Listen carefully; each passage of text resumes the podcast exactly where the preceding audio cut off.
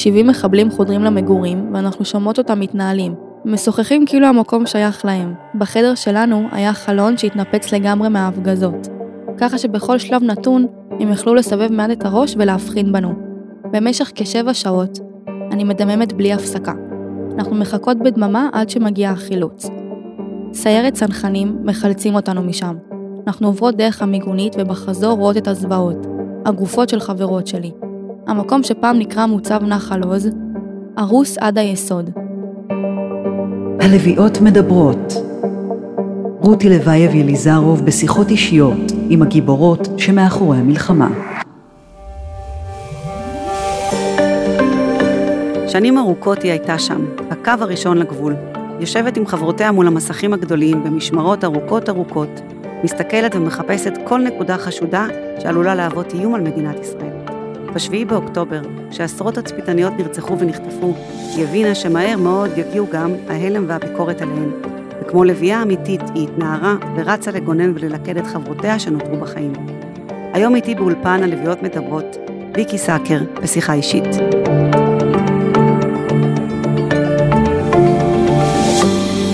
שלום ויקי. שלום. איפה את היית בבוקר של השביעי באוקטובר?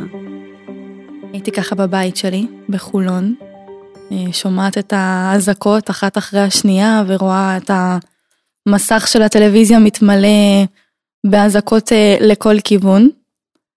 אה, וכמו כולם, קמתי באמת לבוקר הזה, עדיין לא, לא כל כך מבינה את גודל האירוע. בטוחה שזה עוד איזה מטח או עוד איזה משהו חולף, ולאט לאט ככה פתאום התחילו להגיע התמונות של הרכבים משדרות עם המחבלים, ושיש יישובים שהם ככה עם מחבלים. וככה באמת קיבלתי את התסריט האימים הזה. ואז באותו בוקר, כשאת פותחת את החדשות בתור אה, תצפיתנית לשעבר, מה עובר לך בראש? אז אני פותחת את החדשות, ואני, מה שעובר לי בראש, קודם כל, אני נזכרת שהייתי עושה מבחן אה, סמלת לחיילת שעוברת, אז הייתי צריכה לחשוב על אה, תרגיל כזה נורא מדומיין, רק בשביל הפרוטוקול כזה לעשות שהיא עוברת. והייתי צריכה להמציא מלא תרחישים לא הגיוניים, שגם תוך כדי חוטפים חיילים ותוך כדי משתלטים על יישובים, ותוך כדי יש אה, טילים בכל הארץ, ופתאום הבנתי שהתרחיש הזה הפך להיות אה, השביעי לאוקטובר. וזה תרחיש שהייתי עושה אותו, את יודעת, כזה עפה עם הדמיון, רק בשביל להלחיץ אותה ולהגיד לה בסוף, היי, עברת את המבחן, את אה, מוסמכת לשבת עמדה. כי באמת מה שקרה זה שהמציאות עברה כל, כל דמיון. דמיון. לגמרי. אז אולי באמת, לפני שאנחנו צוללות לאירועים, תספרי לנו מה, מה בדיוק התפקיד של התצפיתנית, איך זה להיות תצפיתנית אה, על גבול עזה? אז תפקיד התצפיתנית קודם כל זה להיות העיניים של המדינה, ומעבר להיות העיניים של המדינה זה להכיר את הגזרה ואת השטח שלך בצורה הכי טובה שיש, ולדעת שאת האחראית הבלעדית על כל מה שמתרחש. מה שזה אומר שאת חייבת לשבת בעמדה ולדעת הכל, לדעת מאלף ועד תף, להכיר את העמדות, להכיר את האיומים, להכיר את האויב, לזכור את המשימה שיש לך, כי בסוף מאחורי הגדר יושבים אנשים שיודעים שאת מגנה עליהם, יודעים שאת מסתכלת ביום, בלילה, בחגים, בשבתות, זה לא משנה. מה שאומר שגודל האחריות שמונח על הכתפיים של התצפיתנית הוא ענק. פעם קראתי מישהו שכתב שלהיות תצפיתנית במשמרת זה כמו להיות שר הביטחון. כי את יודעת שאת אחראית על מה שקורה. את, יש לך אחריות על גזרה, על חלק מסוים, ורק את צופה כרגע אליה וצומחים עלייך בתור מישהי שלמדה, דעת, לומדים את הגזרה שלושה חודשים, חודשיים. והמבחנים נורא קשים. מי שתצפיתנית היא לומדת כל אבן ברמה שהיא יודעת אם דיונה משטחים אותה או אם עמדה מזיזים אותה. אפילו 50 מטר. ברמת דיוק כזאתי. ולומדים אירועים, אה, אירועי דגל שהיו, ולומדים את כל ההיסטוריה הגזרתית. באמת, כי רוצים, את יודעת, מכל הכיוונים לכסות שתצפיתנית מכירה את הכל. וואו. בהחלט אחריות אה, גדולה. ממש. ותגידי, כשקיבלת את השיבוץ לתפקיד של תצפיתנית, אמ, התבאסת או ששמחת? התבאסתי מאוד, אני חשבתי שחרב עליי עולמי. שמעתי רק דברים רעים, באמת, הייתי, אמרתי, אני חייבת לצאת מהתפקיד הזה.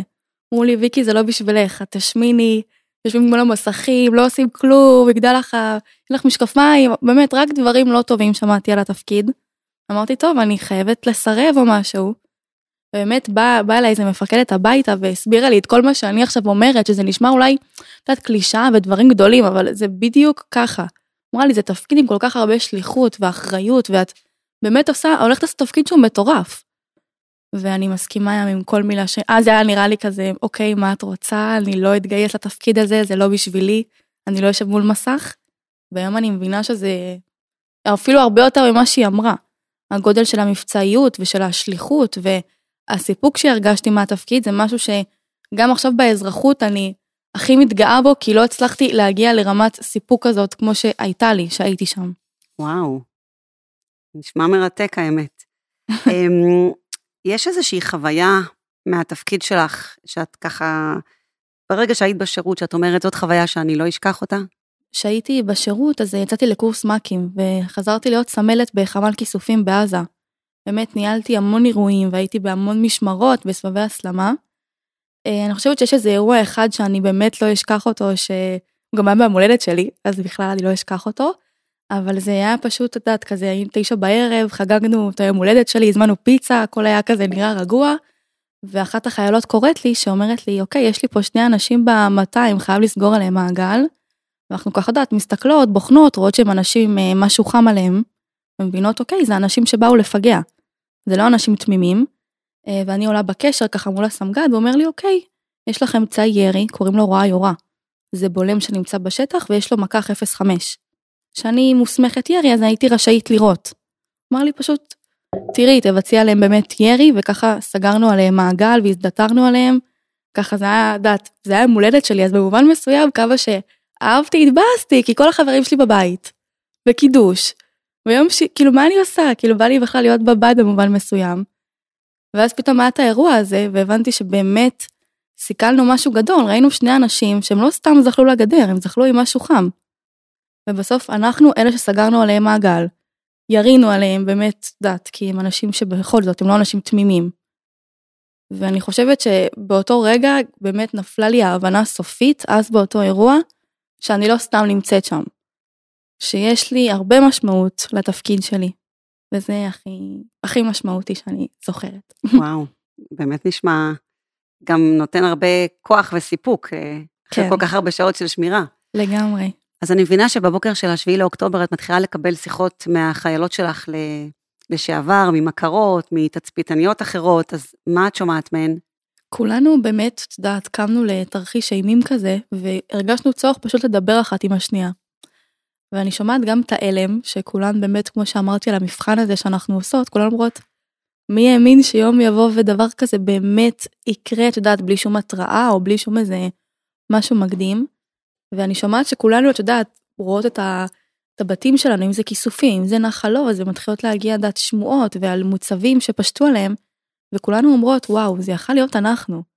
את יודעת, אמנם השתחררנו לפני שלוש, ארבע שנים, יש לי חיילות שהשתחררו לא מזמן, אבל כולנו, את יודעת, חיינו עם התסריט הזה בראש, גם שהתחילו להגיע כל הבנות שמדברות, אז ממש יכולתי לראות איך הן אומרות, מהחמ"ל רצנו למיגונית, ומהמיגונית למגורים, ויכולתי לראות את זה בעיניים, כי גרתי שם, זה היה הבית שלי.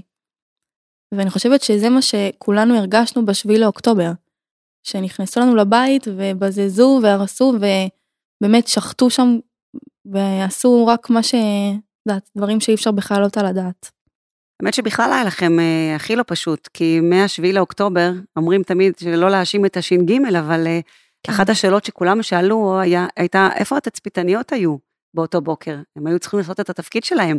כשאת שומעת את זה ואת רואה את הביקורת הזאת, מה, מה קורה לך? אז אני באמת ככה ראיתי ברשת המון שאמרו איפה הן היו, מה הן נרדמו, הן היו במסיבה, איפה היו התצפיתניות, וראיתי כל כך הרבה שאלות, ולי היה מובן שאוקיי, קרה משהו שהוא גדול, כי בתור מי שהייתה בגזרה, אני יודעת שאנחנו מתריעות על כל ציפור אנחנו יודעות, הגדר היום, האמצעים, הכשירות של הבנות בכללי, אם יש ספק, אין ספק. זה מה שמחדירים לנו, וככה זה עובד. ובתור מי שהייתה, ובתור מי שיודעת גם על מה מדווחים, היה לי בטוח שאוקיי, קרה פה משהו מאוד מוזר. והיה לי מאוד קשה לראות, כי התגובות ברשת, והדת, חיפשו את מי להאשים. עכשיו, אפשר להבין, כי רוצים ודאות ורוצים רגע להבין, אבל בסוף אני קראתי את העדויות של הבנות שהיו שם ושרדו, והן היו צריכות גם להתעסק עם זה. וזה כאב לי שבנות שעברו כזה טראומה ודבר, את יודעת, אפילו לא טראומה, משהו נורא גדול, שאי אפשר עדיין לעכל, צריכות להתעסק ולהגיד, אוקיי, חברים, היינו. אל תשאלו איפה היינו ותתחילו להעלות כל מיני סיפורים. כי כן היינו, כן התרענו, מעבר לזה, את יודעת, אחת המפקדות סיפרה שעד הדקה האחרונה, גם שהם כבר הבינו שדעת, הם תכף יהיו במוצב, כי המוצבים נורא קרובים לגבול, הם שאלו אם מותר להפקיר. והם תפעלו והם הכריזו ואמרו אוקיי, הם ניסו בכל דרך להגיד מתקרבים מחברים לשטחנו והם עומדים לחדור.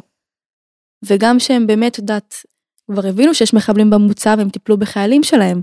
כי החיילים שעד לפני כמה שעות חגגו איתם, יודעת, ארוחת חג, וישבו איתם שישי ושרו שירים, פתאום מגיעים לחמ"ל פצועים. והן מבינות שהן חייבות להתעשת ולטפל בהם. בנות אומרות לי, התחלנו שם לאלתר. יודעת, לעשות חסימות דם איכשהו עם כל מיני דברים. והיה לי מאוד קשה לשמוע את כל הביקורת עליהן, כי היה באמת ביקורות ברשת, ואנשים כתבו דברים, את יודעת, ככה, עם היד המאוד קלה על המקלדת. כי בהתחלה באמת אנשים אמרו, אוקיי, אז איפה הייתן? ואת כל האצבע מאשימה. ועכשיו עם כל המערך ההסברה שאנחנו כן עושים, ואם זה הן שמדברות, ואם זה אני, ועוד בנות, אז כן, אנשים שומעים ואומרים, וואו, פתאום אני מבין כמה התפקיד הזה חשוב. כמה לעיניים שכביכול רק יושבות ורואות, יש משמעות. וכמה ראיתן, וחשוב לנו גם להגיד, ראינו. אז אני מאמינה שכן, שאנשים יבינו שהתפקיד משמעותי וחשוב, ושחלק בלתי נפרד ממערך הלחימה, ואני רוצה להאמין שדברים ישתנו, כי אנחנו כן הולכים להילחם על זה. אנחנו העמותה שאנחנו מקימות עם משקיעים, באמת כבר התחלנו תקנון עם עורך דין, ואת יודעת, זה כבר התחיל כזה לרקום עור וגידים. זה לא סתם, זה בסוף בשביל שבנות יתגייסו לתפקיד הזה, ויהיה להן ביטחון.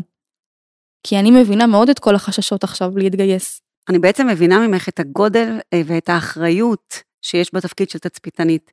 ואני שואלת את עצמי, איך יכול להיות שבאמת בתור תצפיתניות אין לכם נשק?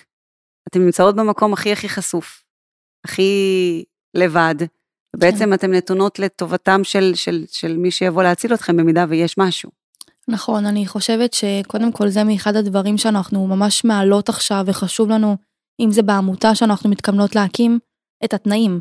כי אם מצפים מאיתנו להיות במקום כל כך סמוך גדר, ולהיות כל כך קרובות לגבול, ואנחנו גם תומכות לחימה, אנחנו כן עוברות הכשרה על נשק, אז אין סיבה שלא יביאו לנו.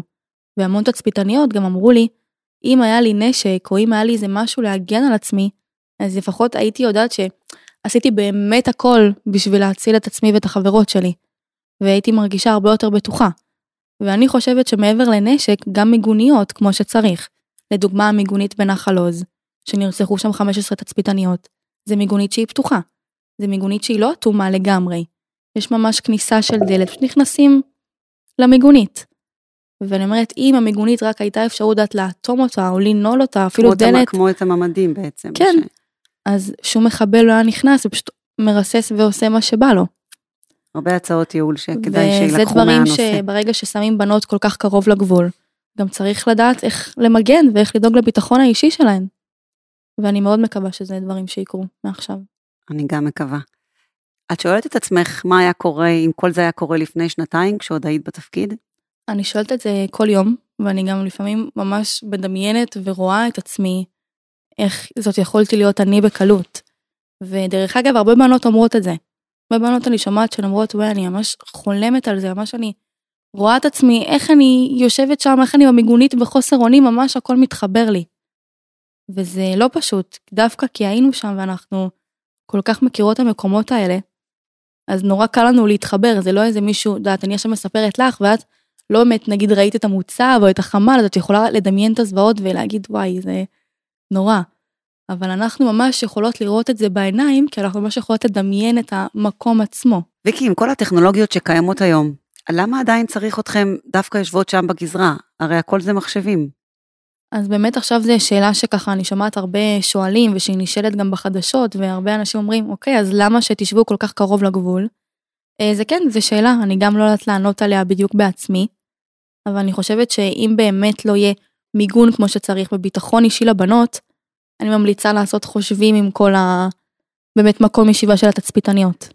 חוץ מלאחל לתצפיתניות שתמיד יהיה להם משעמם במשמרות, אני לא יודעת מה עוד אפשר לאחל להם. בגזרת עזה לא משעמם, כן. למען האמת.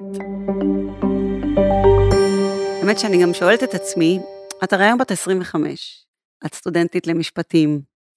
אמ, מה, מה, מה גורם לך בעצם לרצות לאחד את כל התצפיתניות ולתת להם בעצם בית וקול אה, במצב הלא פשוט הזה? מאיפה הכוחות אז הרגשתי שמשהו פשוט בוער בי. פתחתי את הקבוצה בשמיני לעשירי, וכל הלילה של השביעי לעשירי אמרתי, אני חייבת לעשות משהו. הרגשתי שזה פשוט באמת בוער בי, וגם הרגשתי שיש לי את הכוחות, שבאמת אלוהים נתן לי את הכוחות לעשות משהו. אם זה להיות הקול שלהן, ואם זה לדבר איתם, ואם זה לדעת ליצור איזה חיבור עם בנות. אמרתי, אני לא יכולה אז שלא לעשות משהו, לפחות לנסות. לא ידעתי אם באמת אני אצליח, אם זה יעשה משהו טוב, אבל הרגשתי שכמו שזה חי בי וכל כך בוער בי וכואב לי, אז ידעתי שגם לעוד בנות כמוני, בוודאות הן מזדהות עם בערך אותן רגשות ותחושות. כשאת פותחת את הקבוצה הזאת של התצפיתניות, מה בעצם עולה מהקבוצה? מה, מה קורה שם? מה הרוח? מה, אז פתחנו את הקבוצה באמת, ולא ידענו באמת איך זה יוביל ומה יקרה ואיך זה יתגלגל. ומעבר לזה שבתצפיתניות פורקות ונוצר חיבורים מהממים בין תצפיתניות עבר לתצפיתניות הווה, פתחנו כל מיני יוזמות, אם זה בנות שהקימו פלטפורמה של פסיכולוגים ואנשי מקצוע, שידברו איתן, או אם זה עכשיו עמותה שנפתחת, שהרבה בנות בקבוצה שותפות ולוקחות חלק, אם זה עמוד אינסטגרם ופייסבוק בשם אחות שלי, שנועד לרכז מידע בשביל תצפיתניות עתיד, בשביל האימהות שלהן, ואם זה תרומות שהתחלנו באמת לפתוח, גיוס תרומות, ולשנע עליהן אוכל חם, וכל צורך ובאמת דבר שצריך מבחינה חומרית. ומעבר לזה אני חושבת שזה אחווה של כולנו ביחד, שכולנו מבינות שכולנו חווינו פגיעה. כי הבית הוא, כל מי ששירתה תגיד, החמ"ל זה הבית. וכולנו הלכנו במוצבים ובחמ"ל בהכי ביטחון בעולם. ופתאום כולנו, יש לנו מחנה משותף, כולנו מזדהות עם זה. וכולנו מדברות באותה שפה. ובאמת ככה הקבוצה הולידה הרבה יוזמות מהממות, כי בנות רק רוצות לעזור ורק רוצות לתת, ונוצר המון חיבורים בינינו. ומה את באמת שומעת בקבוצה הזאת? מה, מה התצפיתניות אה, מספרות שהן מרגישות אה, מופקרות, צעירות לעזאזל, מרגישות תחושה של כישלון, אולי אשמה? אז באמת פתחתי את הקבוצה וצירפנו תצפיתניות הווה. ובלי קשר גם דיברתי איתם בפרטי לפני, וככה היה לי חשוב כן להשמיע את הקול שלהם וגם לשמוע רגע מהן לפני שאני מצרפת אותם לקבוצה עם כל כך הרבה בנות שרק רוצות את יודעת לתמוך ולחבק. אה, אז אני בעיקר שומעת את כל הדברים של אמרנו והתרענו והרבה חודשים לפני אמרנו קורים דברים מוזרים. ודברים לא שגרתיים ושמעתי בנות שמספרות לי התחלנו לדבר אצל מי תהיה הפשיטה אצל מי זה יגיע קודם והיינו ממש כאילו מדברות על זה וצוחקות ומה נעשה. ואני שומעת את הזעקה שלהן את החוסר אונים כי בסוף תצפיתנית את יודעת יושבת מול מסך ארבע שעות משמרת והיא, התפקיד שלה זה להעביר דיווחים וזיהויים. ומה שקורה עם זה הלאה היא כבר לא באמת יודעת. כי היא מעבירה, וזה צינור שעולה ועולה ועולה. ושמעתי את הזעקה שלהן שהן אומרות, אנחנו אלה שראינו, אנחנו אלה שהתרענו, וגם אנחנו אלה שנרצחנו. וכשאת שומעת את המילים האלה, אז אני אומרת, זה כל כך כואב כי זה יכול להיות אנחנו. ואני יודעת מה זה תצפיתנית שיושבת על עמדה, ושהיא רק רוצה שישמעו אותה כי היא יודעת שזאת המשימה שלה. באמת, ראיתי בנות שעולות משמרות במצבים לא טובים, לא מרגישות טוב, עצבניות, כל אחת והיום שלה. וידעתי תמיד שלא משנה איך הן עולות למשמרת, גם אם הן קצת במצב לא טוב, יש על מי לסמוך. כי בסוף המשימה היא מעל הכל. וזה מה שמלמדים אותנו. פתאום הן אומרות, אוקיי, אבל אני עשיתי מה שצריך. אז איך זה קרה? גם איך מאשימים אותנו. ואני חושבת שהזעקה שלהן היא ענקית. דווקא כי הן אמרו ודווקא כי הן התריעו. כן, תחושות באמת אה, לא פשוט בכלל להיות תצפיתנית בשביעי לאוקטובר. כן. אמ, יש איזשהו לקח אישי שאת לוקחת מהשביעי לאוקטובר? אה, אני חושבת שאולי היינו קצת בסוג של יהירות. אני בתור מי שהייתה בגזרה, אני יודעת שיש הרבה דברים שאולי לא מקבלים כל כך משמעות, לא הבנו אולי כל כך מי האויב שעומד מולנו. אה, אז אני חושבת שככה לא לקחת, את יודעת, דברים באהלן אהלן מה שנקרא, כן? לבחון את הדברים עד הסוף, כן? יודעת, כל דבר כמו שאמרתי, אם יש ספק אז אין ספק, לא רק אצלנו, זה צריך להיות כנראה. אה, ויקי, תכניסי אותנו קצת לנבחי הקבוצה. מה, מה בנות משתפות שם? מה הן כותבות? אז באמת אני אקריא לכם משהו שמישהי כתבה, אני אקריא את זה בעילום שם. היא מספרת, ישבתי על המשמרת הנוראית הזאת, בשש וחצי בבוקר, היינו בחמ"ל בסביבות ה-17 שעות. ראינו זוועות, טיפלנו בחברים שלנו תוך כדי. תוך כדי ידיעה שיש מחבלים לידינו בבסיס. ברוך השם כולן עכשיו בסדר, מפנים אותנו. בנות באמת עונות ומדברות ואומרות לה אתן גאווה, אנחנו מחזקות אתכן. איך את? אז בנות כותבת, אנחנו בטראומה קצת. לצערי חמ"ל נחל עוז קיבל את המכה החדשה ביותר, אבל אנחנו נהיה בסדר. בנות ממש מדברות וחולקות, ומישהי רושמת לה, אם את צריכה לפרוק משהו, אני כאן בשבילך, תשלחי לי הודעה. ובאמת ככה עוד בנות אומרות, אני משוחררת בה הרבה שנים, אני סמלת לשעבר, אבל אנחנו כאן עבורכן. אני רואה שאת מאוד אה, מרוגשת קצת שאת, אה, שאת כן. קוראת את ההודעות שלהם. איך זה מרגיש באמת לדעת שזה תדריכים שכמו שאמרת היו בדמיון, לא חשבתם שבאמת יקרו. איך זה מרגיש שאת יודעת שזה באמת קרה בשטח ואפילו בעוצמה יותר גבוהה ממה שדמיינתם בתדריכים? זה לא נתפס. אני באמת עדיין מאוד מתקשה לתפוס. אני שומעת את העדויות של הבנות ואני רואה את הכתבות ואני באמת שומעת את זה, אני חיה את זה כבר יום יום. וזה לא נתפס לי שדבר כזה באמת קרה. כי זה משהו שהוא היה נורא תרחיש כזה, את יודעת, סוג של דמיוני כזה, שבאמת משהו יקרה בסדר גודל כזה, ולא לא יתריעו ולא ידעו. ואני שומעת את הזעקה שלהן, וזה קשה לי מאוד לשמוע שהקראתי עכשיו את ההודעה, אז את יודעת, כבר קראתי את ההודעות האלה כמה פעמים, ואני שומעת את זה יום יום, אבל שמישהי אומרת לי, הייתי 17 שעות בחמ"ל, וטיפלתי בחברים שלי, ואוקיי, כולן בסדר עכשיו, אבל גם הבסדר הזה, את יודעת, הוא עם כל כך הרבה את בעצם מדמיינת את עצמך בסיטואציה הזאת, אם היית שם, איך כן. היית מתפקדת. כל הזמן, אני חושבת שזה יכול להיות. כל פעם אני גם ממש נזכרת שאני הייתי שם, ואני מדמיינת איך אני יכולתי בקלות להיות זאת שיושבת במשמרות האלה. וואו. אני יכולה לספר, האמת, טורף. שיש איזה מישהי שכתבה, הרי החמ"ל הוא נינה על הדלת חשמלית, וברגע שנפל החשמל, הם ממש החזיקו את הדלת עם הידיים שלהם. ממש הגנו על החמ"ל, הלוחמים ממש הגנו עם ה... היו צריכים לסגור את הדלת. וואו. היא אומרת, אה, נשארו שבעה לוחמים, אם לא יגיעו תגבורים בקרוב אנחנו נמות, נפל החשמל, גם הגנרטור. הדלת החשמלית של החמ"ל נפתחת, מחבלים מסתובבים בבסיס והדלת פתוחה. מתחילים להזיז עמדות של התצפית, לחסום את הדלת. עוד לוחמים עם האצבע על, הדלק, על ההדק מול הדלת, חושך מוחלט, תגבורים מתחילים להגיע ובעשר בלילה מחלצים אותנו. הליכה של שבע דקות מהחמה לאוטובוסים, בשורה, בשקט בשקט בריצה. הדמעות בגרון, וגופות מוטלות על הרצפה. שבע דקות שהרגישו כמו נצח. אני בבית, אבל הלב כואב. על החיות שלי התצפיתניות שלא שרדו. החבר... החברים מהבסיס שיראה רק בתמונות, האנשים שנחטפו, ולא יכולה לדמיין לעצמי מה הן עוברות. מה הם עוברים. סיטואציות שלא יוצאות מהראש שלי ונחקקו אצלי לעולמים. 70 מחבלים חודרים למגורים, ואנחנו שומעות אותם מתנהלים. משוחחים כאילו המקום שייך להם. זאת אומרת, בחדר שלנו היה חלון שהתנפץ לגמרי מההפגזות. ככה שבכל שלב נתון, הם יכלו לסבב מעט את הראש ולהבחין בנו. במשך כשבע שעות, אני מדממת בלי הפסקה. אנחנו מחכות בדממה עד שמגיע החילוץ. סיירת צנחנים מחלצים אותנו משם. אנחנו עוברות דרך המיגונית ובחזור רואות את הזוועות, הגופות של חברות שלי, המקום שפעם נקרא מוצב נחל עוז, הרוס עד היסוד. ואז היא באמת מסכמת ואומרת, תודה רבה לכל צנחן וצנחן שלקח חלק והציל את החיים שלי.